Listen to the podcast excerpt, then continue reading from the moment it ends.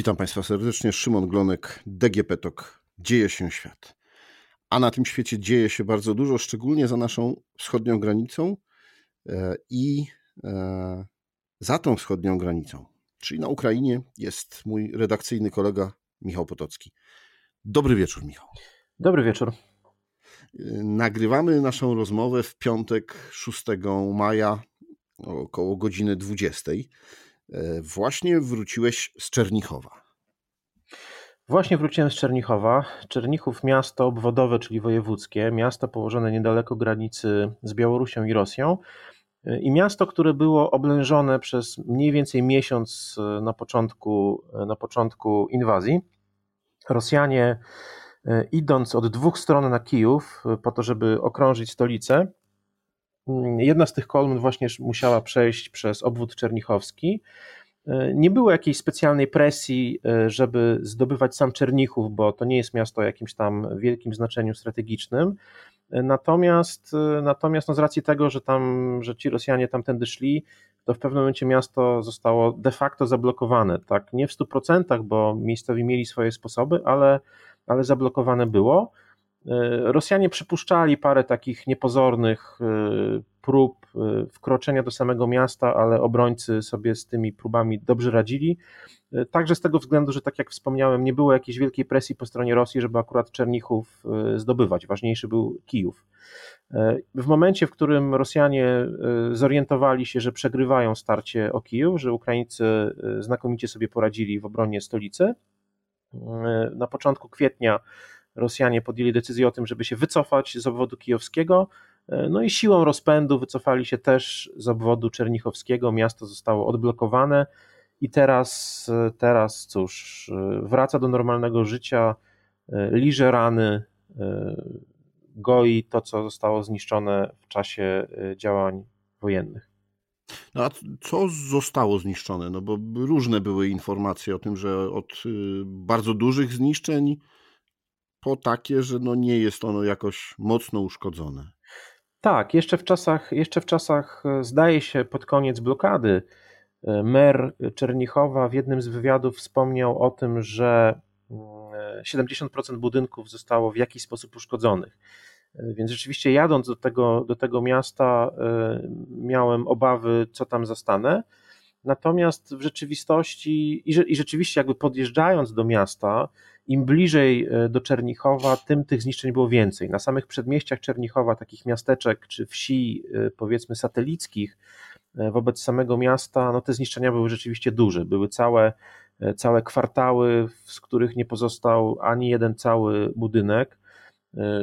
Te z większym szczęściem miały wybite szyby od, od fali uderzeniowej, te, te z mniejszym szczęściem zostały zburzone, bo trafiono w nie prawdopodobnie z ostrzału artyleryjskiego, czy też z, e, z czołgi były też w użyciu.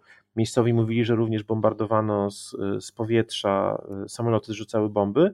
Natomiast samo centrum to było trochę tak jak oko cyklonu. O, wokół cyklonu jest cisza. E, w Czernichowie centrum i taki stary, takie stare grodzisko na wzgórzu nad Desną, która przepływa przez Czernichów, zostało praktycznie y, nieruszone, nie tam w zasadzie żadnych uszkodzeń nie ma, za wyjątkiem paru takich dosyć poważnych wyjątków w postaci na przykład stojącego w samym centrum miasta na głównym skrzyżowaniu hotelu Ukraina, który został trafiony, który został trafiony rakietą. No i został trafiony rakietą tak precyzyjny sposób, że z niego w zasadzie niewiele zostało. On się zawalił, zawalił się do środka, tak złożył się trochę jak domek z kart i teraz jest ogrodzony, ogrodzony i czeka na, no, na rozbiórkę prawdopodobnie, bo nie da się go odbudować, przynajmniej tak to wygląda yy, gołym okiem. Parę innych budynków, również budynków mieszkalnych zostało trafionych pociskami. Natomiast w samym centrum to są raczej wyjątki. To znaczy, to miasto jest otoczone takim pierścieniem zniszczenia, E, a centrum, a centrum było taką oazą, e, oazą, w którym i, i tam w zasadzie jakichś e, wielkich, wielkich planów odbudowy snuć nie trzeba.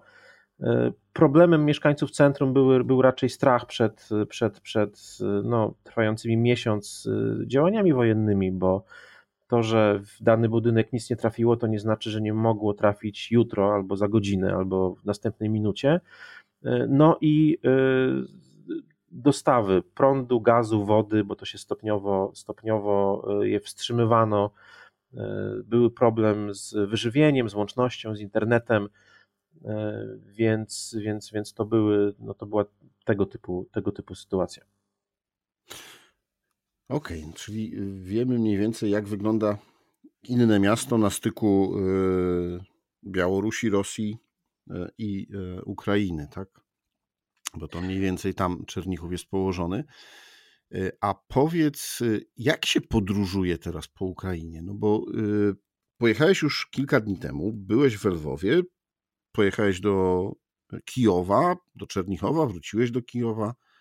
Jak wygląda mm, transport y, pomiędzy tymi miastami? Jak się podróżuje? Czym? Transport działa, zarówno koleje ukraińskie, jak i, jak i przewozy autobusowe czy też busowe, one funkcjonują mniej więcej tak samo jak przed wojną. W tym sensie, że no te trasy, które są, które są, które przebiegają na terenach nieokupowanych, kontrolowanych przez władze ukraińskie, e, one funkcjonują.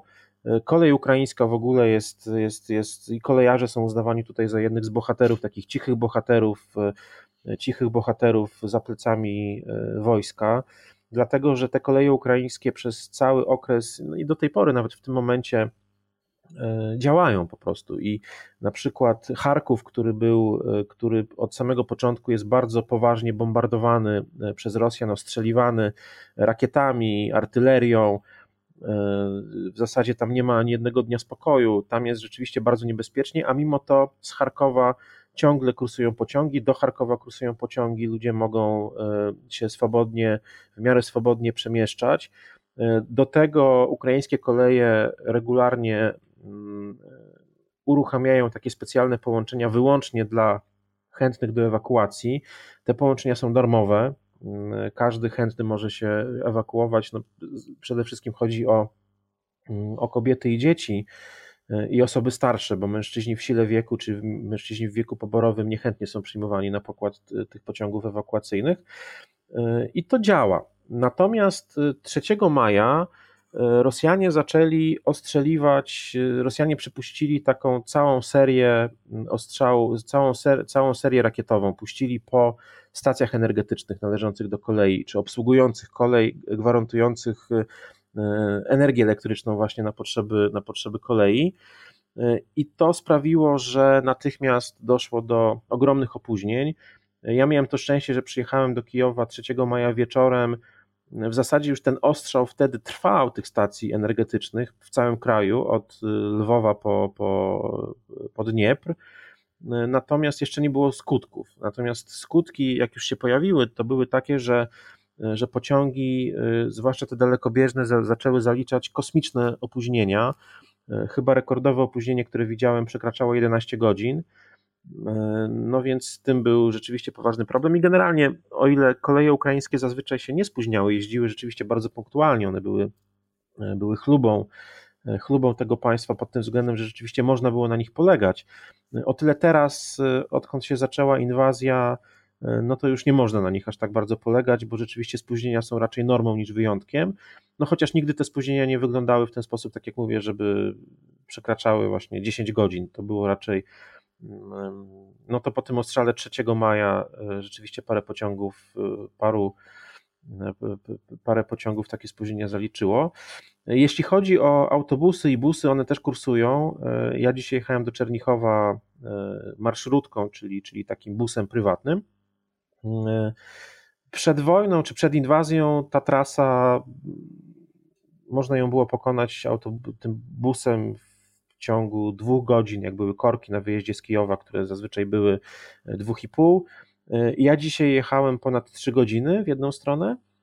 A to z tego powodu, że ruchu co prawda nie ma na szosach, natomiast, natomiast mosty zostały wysadzone na rzece Desna. I żeby, żeby dojechać do Czernichowa trzeba skorzystać z mostu, który jest 80 km od miasta.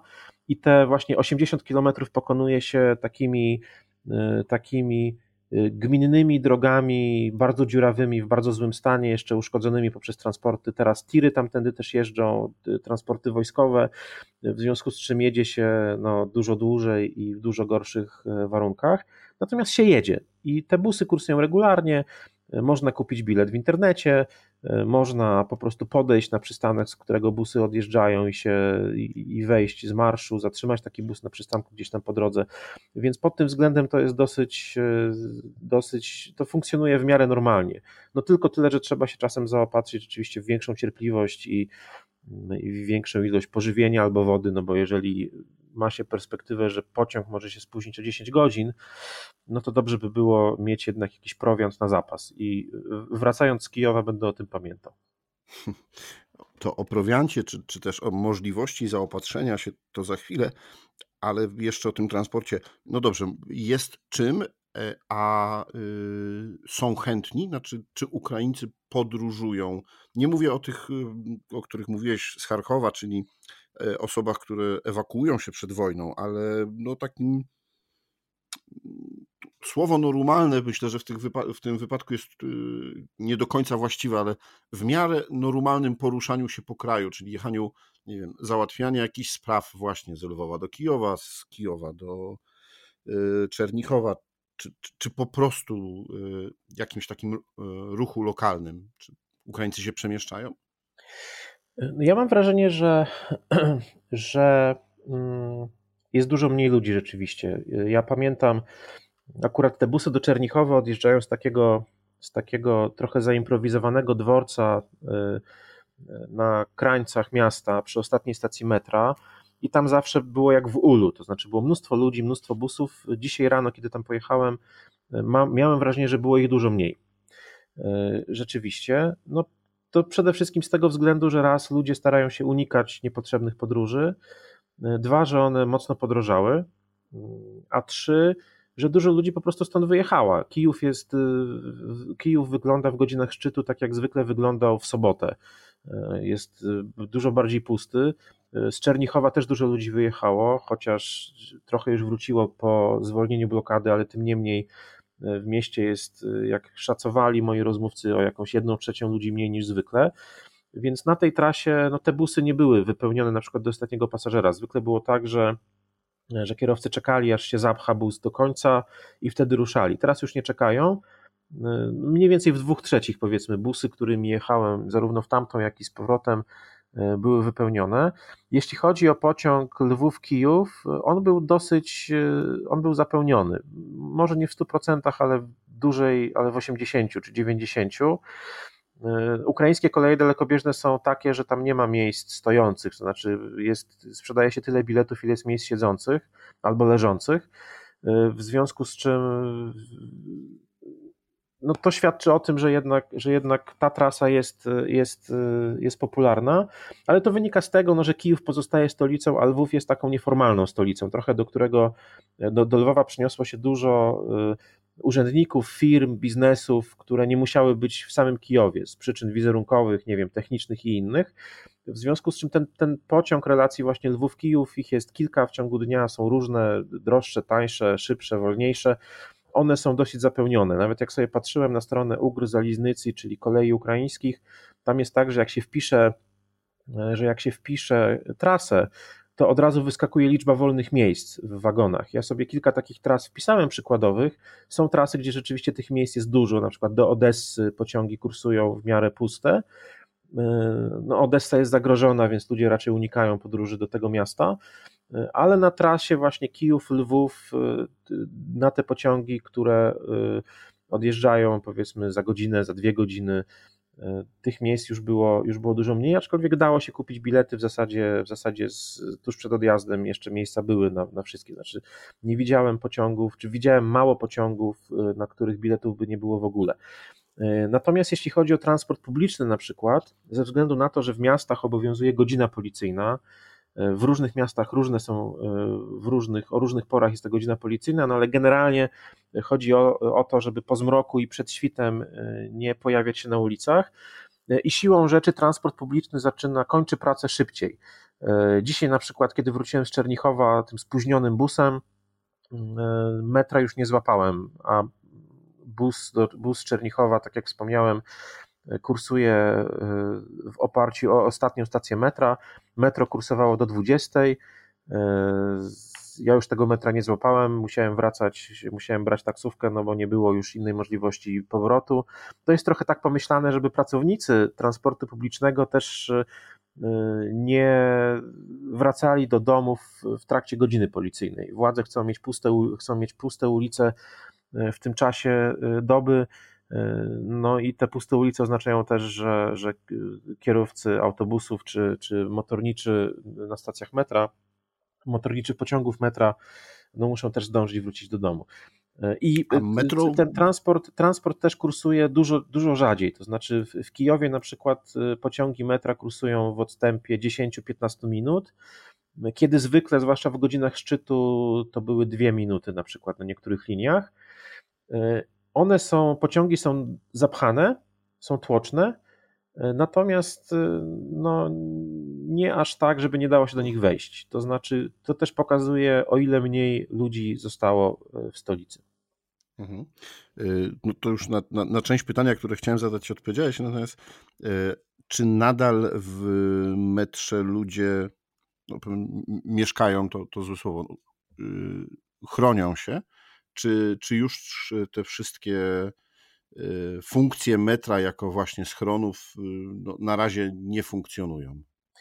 E, wszystkie stacje metra, te, które są pod ziemią, bo nie wszystkie są pod ziemią, są, jest kilka też naziemnych, ale te, te stacje metra, które są pod ziemią i są otwarte, służą jako schrony. I nawet w czasie godziny policyjnej można się w nich schronić. One są otwarte, tam dyżurują służby porządkowe, i w razie godziny policyjnej, w razie, przepraszam, alarmu powietrznego można się tam schronić. Natomiast w paru miejscach rzeczywiście jeszcze są, jeszcze są takie, takie, takie, no, jak to nazwać, obozowiska to źle brzmi, natomiast są, są stacje metra, w których ludzie jeszcze przebywają na stałe. To są przede wszystkim ci ludzie, którzy których nie było stać na, na wynajęcie czegoś w Kijowie, albo którzy nie mieli znajomych w Kijowie, u których mogli się schronić, którzy gdzieś tam właśnie uciekli e, ze wschodu kraju, trafili do stolicy, ale nie mają specjalnie gdzie się podziać. E, tych ludzi nie jest dużo, natomiast, natomiast są. Sam widziałem, e, sam widziałem na kilku stacjach metra taką, taką sytuację. I teoretycznie, tak jak mówię, w czasie na przykład w ciągu dnia też, kiedy są alarmy przeciwlotnicze, ludzie mogą się teoretycznie schronić na tych stacjach metra.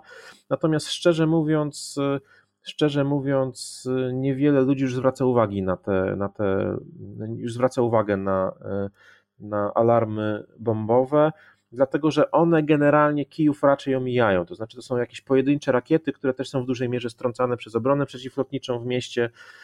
Trochę to się zmieniło 3 maja po tym po tym zmasowanym ataku na, na, na kilka różnych stacji energetycznych e, w całym kraju.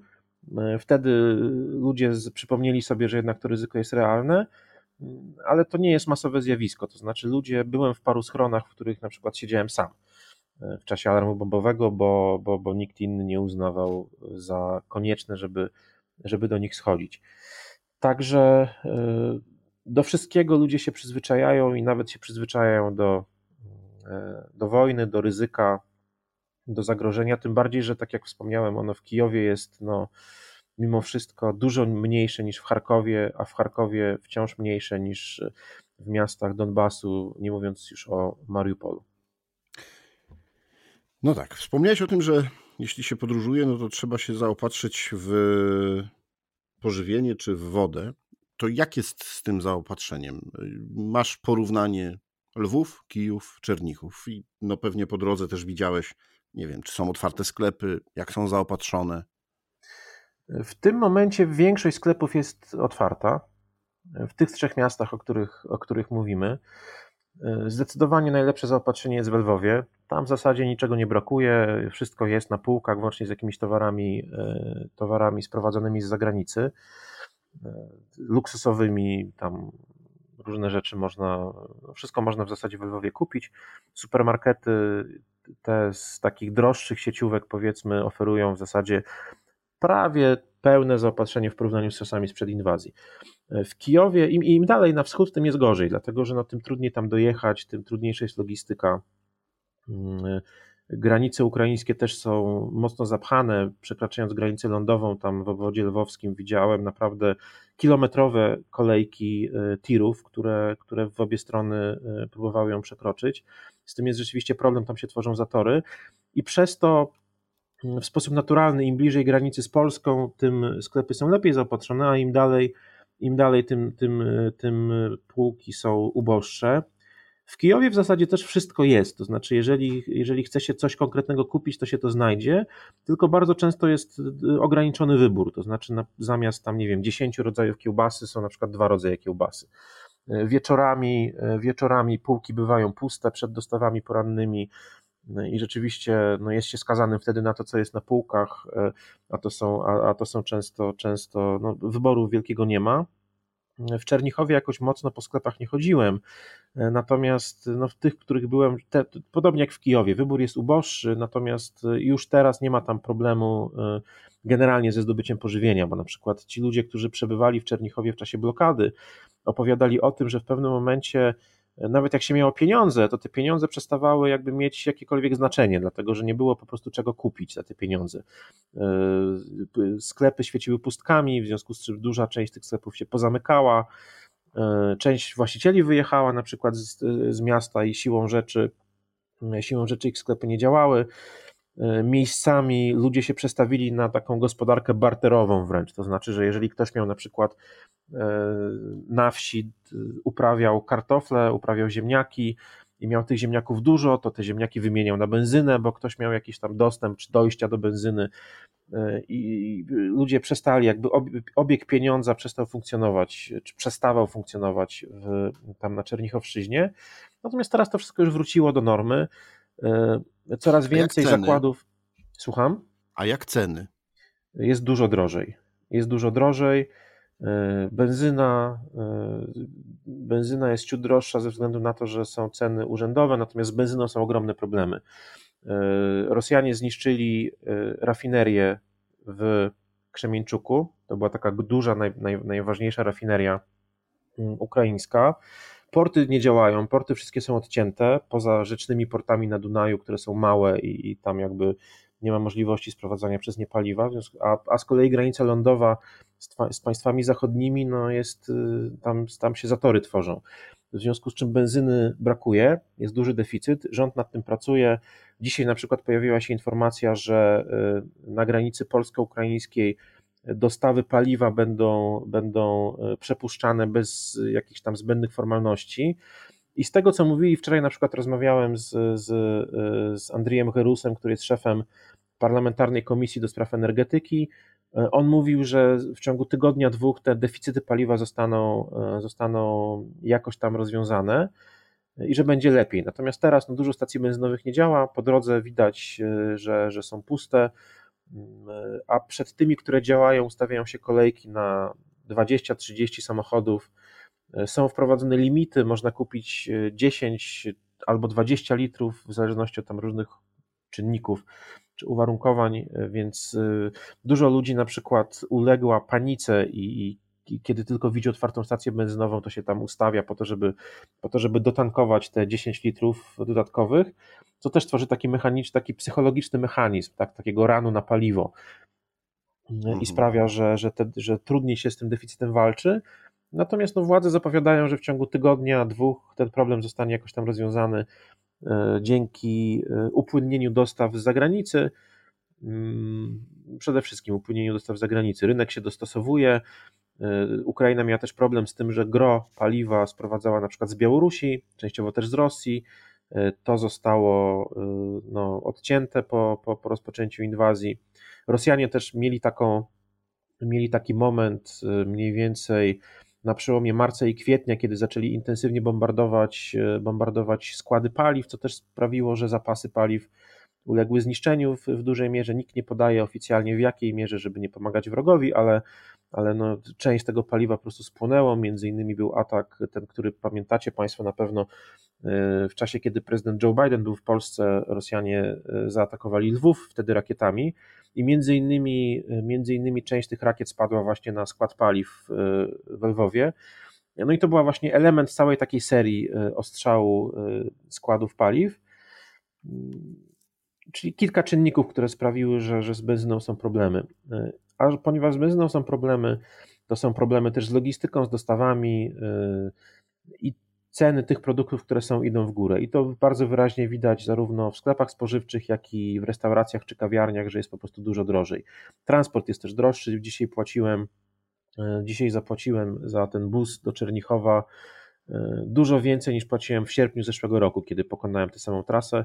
Nie pamiętam ile płaciłem w sierpniu, więc nie chcę tutaj kłamać, ale na pewno było to dużo, było to no, tańsze niż, niż obecnie o kilkadziesiąt procent co najmniej. Mhm. Powiedziałeś, y, w restauracjach i kawiarniach ceny są y, wyższe, czyli w Kijowie już takie życie właśnie restauracyjno-kawiarniane wraca, wróciło, czy może ono nigdy nie zniknęło? Mm, zniknęło na początku inwazji. Zresztą na początku inwazji to i w Lwowie mocno przygasło. Natomiast w tym momencie w Kijowie w zasadzie większość y, zakładów takich restauracyjno-kawiarniano-pubowych funkcjonuje w miarę normalnie. One się oczywiście szybciej zamykają z racji na, ze względu na godzinę policyjną. Y, one są powiedzmy z mniejszym rozmachem, że tak powiem, dlatego że od 16 obowiązuje prohibicja, od 16 nie można sprzedawać napojów alkoholowych zarówno w restauracjach czy pubach, jak i w sklepach spożywczych. To co prawda w niektórych miejscach przymyka się na to oko i, i sam byłem w jednym takim miejscu, w którym sprzedawano piwo dużo dłużej niż do 16. Natomiast, natomiast no, teoretycznie tak to wygląda. Mm, w Kijowie wszystko, w zasadzie wszystkie lokale, wszystkie lokale w miarę normalnie funkcjonują. Często menu jest uboższe. To znaczy, zamiast tam, nie wiem, 20 rodzajów pizz jest 5 rodzajów. Niektórych artykułów nie ma, na przykład z ryżem jest problem, więc w takiej bardzo dobrej sieciówce krymsko-tatarskiej, która w Kijowie jest, jest obecna od, od, od, wielu lat, chciałem zamówić pilaw, czyli takie danie klasyczne tatarskie z, z ryżu, z mięsem i, i, i różnymi przyprawami. Pilawu nie było, bo nie było ryżu. Więc są miejscami tego typu problemy, natomiast większość takich lokali działa. W Czernichowie jest gorzej. W Czernichowie tak na oko działało 30%. No jak się tak przeszedłem tymi ulicami, które akurat y, miałem na swoim szlaku, tak na oko jedna trzecia zakładów działa, zwłaszcza te mniejsze, które było łatwiej zamknąć i łatwiej otworzyć i są tańsze w obsłudze. Y, czyli w takich małych kawiarenkach, gdzie pracuje, pracują dwie, trzy osoby, to one w zasadzie w większości są otwarte. Większe restauracje y, z takim większym rozmachem, gdzie widać właśnie, że no, musiało pracować dużo więcej ludzi, które były dużo droższe w utrzymaniu, one w większości są jednak pozamykane E, dzisiaj chciałem z jednym ze swoich rozmówców spotkać się, spotkać się w takiej lwowskiej sieciówce z gorącą czekoladą w Czernichowie. Drzwi były otwarte, w środku tam krzątali się pracownicy, no ale powiedzieli, że oni dopiero tutaj wrócili, otworzyli, przygotowują, sprzątają, a sieciówka zostanie otwarta dopiero jutro i zacznie, zaczyna działać od jutra, no to też pokazuje, że właśnie ludzie stopniowo wracają, że sytuacja się normalizuje, coraz więcej ludzi wraca do swoich biznesów, e, coraz więcej ludzi e, również e, korzysta z, z, z usług takich restauracyjnych. Wczoraj, wczoraj będąc w Kijowie jadłem obiad w, w pizzerii, a przy stoliku obok dwie panie świętowały urodziny jednej z nich z racji na to, że prohibicja jest o 16, to jeżeli ktoś chce coś uczcić przy winie, no to spotyka się nie o tam 18 czy o 20 ze znajomymi, tylko na przykład o 13, 14, żeby zdążyć, e, żeby zdążyć ze świętowaniem do, do momentu przed prohibicji, 16. przed 16. Natomiast, tak jak powiedziałem, w wielu miejscach ta 16 jest mocno symboliczna. To jest jednak państwo słowiańskie, potrafiące obchodzić różne niedogodności e, tego typu. E, no więc tak to wygląda. Natomiast, tak jak mówię, Ukraina stara się na tych terenach, które zostały wyzwolone albo są bezpieczniejsze, e, wracać do normalności. To też jest wymóg taki gospodarczy. No, ludzie, ludziom się kończą oszczędności, biznesom się kończą oszczędności, przedsiębiorcom się kończą, kończą zapasy, w związku z czym ci, którzy mogą, to wznawiają pracę ze względów takich stricte, stricte finansowych. Tu jest też mhm. tak na przykład, że państwo przymyka oko, jeżeli ktoś nie płaci za, za, za takie opłat za mieszkanie, tak? Na przykład za gaz, za prąd. To znaczy jest takie przyzwolenie, nie ma kar, jeżeli ktoś nie płaci. Natomiast są apele, na przykład byłem na takim briefingu przedstawiciela władz, władz miejskich w Kijowie, e, w, na którym e, urzędnik właśnie apelował, że jeżeli kogoś stać, e, to żeby jednak uiszczał te rachunki za, za prąd, gaz, czynsze i, i, i tak dalej, no bo pieniądze też są potrzebne służbom komunalnym, chociażby mm, i to większe niż zwykle, dlatego że no są też zniszczenia, które trzeba, które trzeba z którymi trzeba sobie jakoś radzić, e, które trzeba mhm. odbudowywać, są różne potrzeby, trzeba przywracać połączenia elektroenergetyczne, gazowe, naprawiać wodociągi, bo niekiedy one też były niszczone e, w trakcie działań wojennych, więc są apele, żeby jeżeli kogoś stać, to żeby płacił, no ale jeżeli kogoś nie stać, to państwo na razie nie będzie się tego specjalnie e, czepiać. Michał, a powiedz, bo y, jak rozmawialiśmy w poprzednich podcastach, rozmawialiśmy trochę o kwestii e, rozmów pokojowych. One wtedy się toczyły w, y, władza i po jednej, i po drugiej stronie w jakiś tam sposób zabierała e, w tej sprawie głos. Ostatnio mam wrażenie, że jest dużo ciszej o rozmowach pokojowych. E, a jak y, ulica Kijowska na patrzy na sprawę pokoju? Czy są na przykład takie, e, taka potrzeba, żeby ten pokój był jak najszybciej, żeby miasto wróciło właśnie do normalnego życia, żeby ta wojna się skończyła?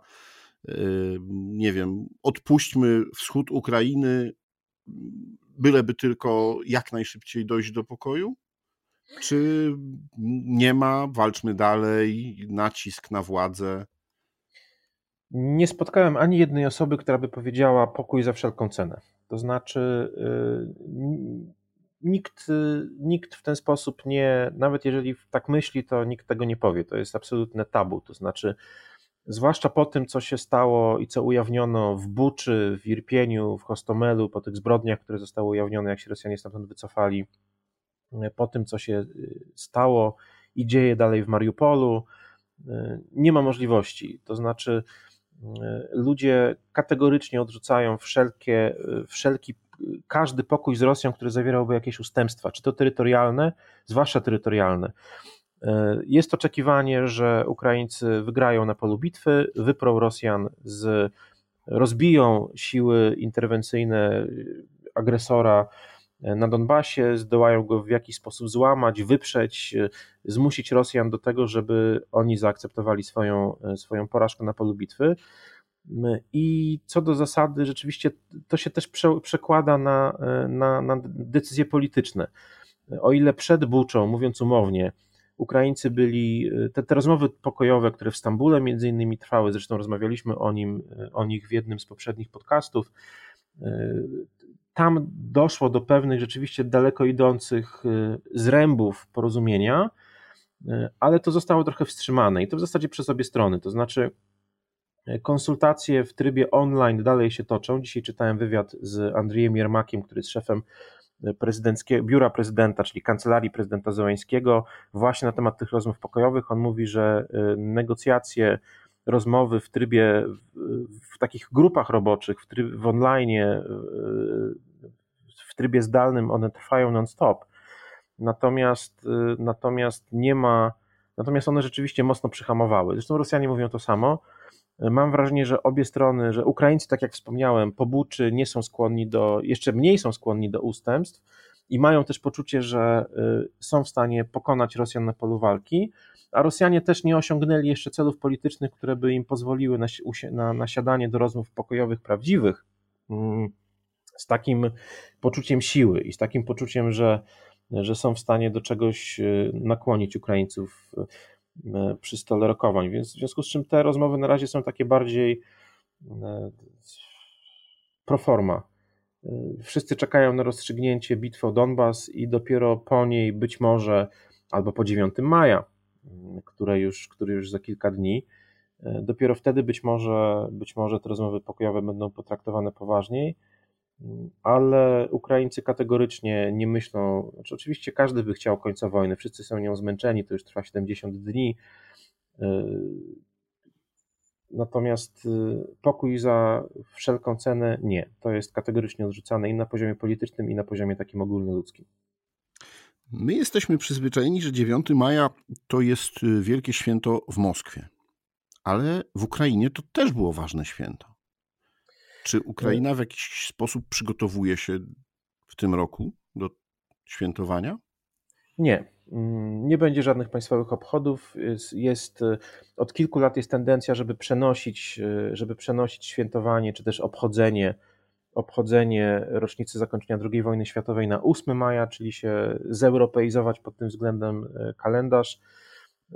I te obchody od kilku lat były raczej 8 maja, również w ramach takiego ogólnego odrywania się od Rosji, to znaczy Ukraińcy przestali, przestali stosować sformułowanie mm, Wielka Wojna Ojczyźniana, e, przestali, odrzucili symbolikę radziecką, odrzucili hasło o jakimś tam wielkim zbiorowym wysiłku narodu radzieckiego, który w Rosji się pojawia do tej pory, e, derusyfikowali się pod tym względem. Natomiast w tym roku e, tym bardziej o żadnym świętowaniu 9 maja nie ma mowy. Co więcej, parę dni temu został opublikowany sondaż zrobiony wśród Ukraińców na temat właśnie ich stosunku do daty 9 maja. O ile pamiętam, kilkanaście procent y, stwierdziło, że to jest ważna data, ważny dzień, cała reszta odrzuca, odrzuciła tę, tę, to dziedzictwo radzieckiej historiografii. No i to też jest jeden z elementów, o których też już mówiliśmy w poprzednich podcastach, takiego uniezależnienia się mentalnego Ukraińców od Rosjan. 9 maja raczej jest wyczekiwany z dużą obawą przez Ukraińców jest takie przeświadczenie, że Rosjanie mogą w ten weekend y, dokonać jakichś prowokacji, nasilić ataki rakietowe, przeprowadzić jakąś operację, jakąś nasilić brutalność, czy zbrutalizować dodatkowo ten konflikt. Nie wiadomo, co powie Władimir Putin. Jest przekonanie, że być może ogłosi powszechną mobilizację w Rosji, że być może ogłosi, ogłosi Y, zmianę tej specjalnej operacji wojskowej na wojnę, że zostanie użyte słowo wojna, y, więc duże obawy tym razem wiążą się z, z 9 majem i na pewno nikt w głowie y, nie ma oczekiwania na ten dzień jako na dzień w jakikolwiek sposób świąteczny czy ważny pod względem rocznicowym. To już jest historia i jeśli Ukraińcy będą świętować koniec II wojny światowej, to będą to raczej robić 8 maja. I też nie w tym roku, bo w tym roku nie ma do tego warunków. Co więcej, e, wyczekiwanie na to, co zrobi Rosja i taka obawa, że może zrobić coś e, brzydkiego, e, sprawiło, że wiele miast oficjalnie zawiesiło jakiekolwiek masowe. Pojawiają się na przykład obawy, mer, mer Iwano-Frankiwska wezwał mieszkańców do tego, żeby jeżeli mają możliwość, to żeby wyjechali z miasta na ten weekend do 9 maja i wrócili 10 maja w obawie przed jakimiś właśnie atakami czy prowokacjami. Widziałem teraz informację e, Rady Miejskiej Lwowa, e, że wszelkie bardziej masowe przedsięwzięcia, chociaż imprezy, imprezy masowe i tak są zakazane, ale wszelkie jakiegoś, e, jakiegoś rodzaju bardziej masowe przedsięwzięcia zostały odwołane w dniach 7-9 maja, w związku z czym jest takie pełne obawy wyczekiwanie, co będzie, co będzie dalej. Mhm. E, tak już kończąc naszą rozmowę, jak z perspektywy Kijowa e, wygląda bitwa o Donbas? No bo ona trochę się już toczy, co prawda wszyscy wyczekujemy jakiegoś takiego wielkiego starcia, e, do którego właśnie no, historycznie jesteśmy gdzieś tam przyzwyczajeni do tych bitew z II wojny światowej, bo, no bo tak eksperci wojskowi, wojenni przedstawiali to nam od y, kilku tygodni już. E, natomiast no, ta bitwa mniej lub bardziej już się toczy. Jak to w Kijowie jest odbierane? Toczy się rzeczywiście z dużo mniejszym impetem niż się obawiali Ukraińcy. Mm, no to jest związane z tym, że naj, najwidoczniej Rosjanie nie są w stanie e, nie są w stanie rzucić większych sił na ten odcinek frontu. E, z tego zresztą biorą się też te obawy przed ewentualną mobilizacją masową, powszechną e, w Rosji. Mm, jest takie przekonanie w Kijowie, że ta bitwa wciąż nie jest rozstrzygnięta, ale że Ukraińcy ją wygrają.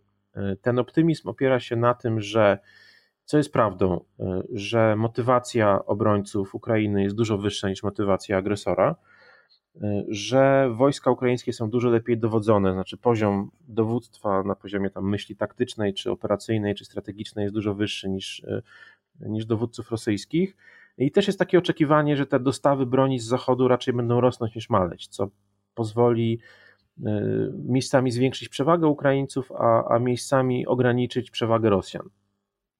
Z drugiej strony, jak się popatrzy na linię, y, na linię frontu, na, na ruchy wojsk, y, to z jednej strony Rosjanie mają pewne sukcesy taktyczne w okolicach Iziumu, czyli na tym szlaku, który y, w założeniu rosyjskim miałby pozwolić zamknąć to silne zgrupowanie ukraińskie na Donbasie, w, otoczyć to zgrupowanie i później spróbować je rozbić, pozbawiając, pozbawiając je y, możliwości aprowizacji czy dostaw.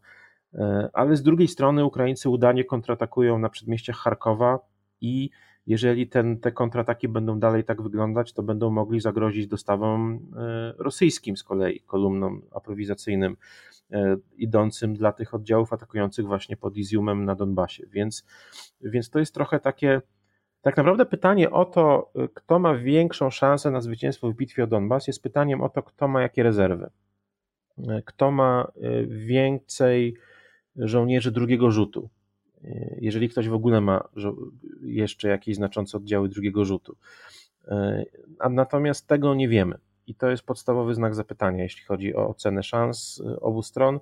Ja też wolałbym unikać takich jednoznacznych deklaracji, ze względu na to, że nie jestem specjalistą od wojskowości i e, muszę tutaj bazować na tym, co przeczytam. Nie mam, nie mam własnej jakiejś takiej miarodajnej, czy moja ocena sytuacji nie jest miarodajna, więc nie chcę też nikomu narzucić czegoś, co, co, co, czego nie jestem, czego nie mogę być pewien ze względu na po prostu swój poziom kompetencji. E, natomiast nie widać, żeby, żeby, żeby ta bitwa rozstrzygała się póki co na którąś ze stron. To może potrwać jeszcze bardzo długo. Jest takie przekonanie tutaj w Kijowie, że, e, że ta wojna może powoli zamieniać się w taką wojnę e, prawie że pozycyjną, żmudną, długą, e, na wymęczenie, która będzie gdzieś tam w Donbasie trwała jeszcze długimi tygodniami miesiącami. No, oby dla Ukraińców to jednak e, nie była prawda i oby jak najszybciej się skończyła. I to ich zwycięstwo. Tak. Dziękuję Ci, Michał, bardzo za rozmowę. Dziękuję Spokojnego, serdecznie spokojnego i bezpiecznego pobytu dalej. Mam nadzieję, że uda nam się w przyszłym tygodniu y, połączyć. No właśnie, już po 9 e, maja e, trochę może porozmawiamy o Lwowie, bo wiem, że do niego znowu się wybierasz. To prawda i to będzie, będzie dobra możliwość, żeby, e, żeby, żeby porozmawiać o tym, czy te obawy się potwierdziły, co Putin powiedział, co zrobił i jak to dalej będzie wyglądało. Dziękuję Ci bardzo. Do usłyszenia. Dzięki, do usłyszenia. Proszę Państwa, to było Dzieje się świat DGP TOK. Rozmawiał Szymon Glonek.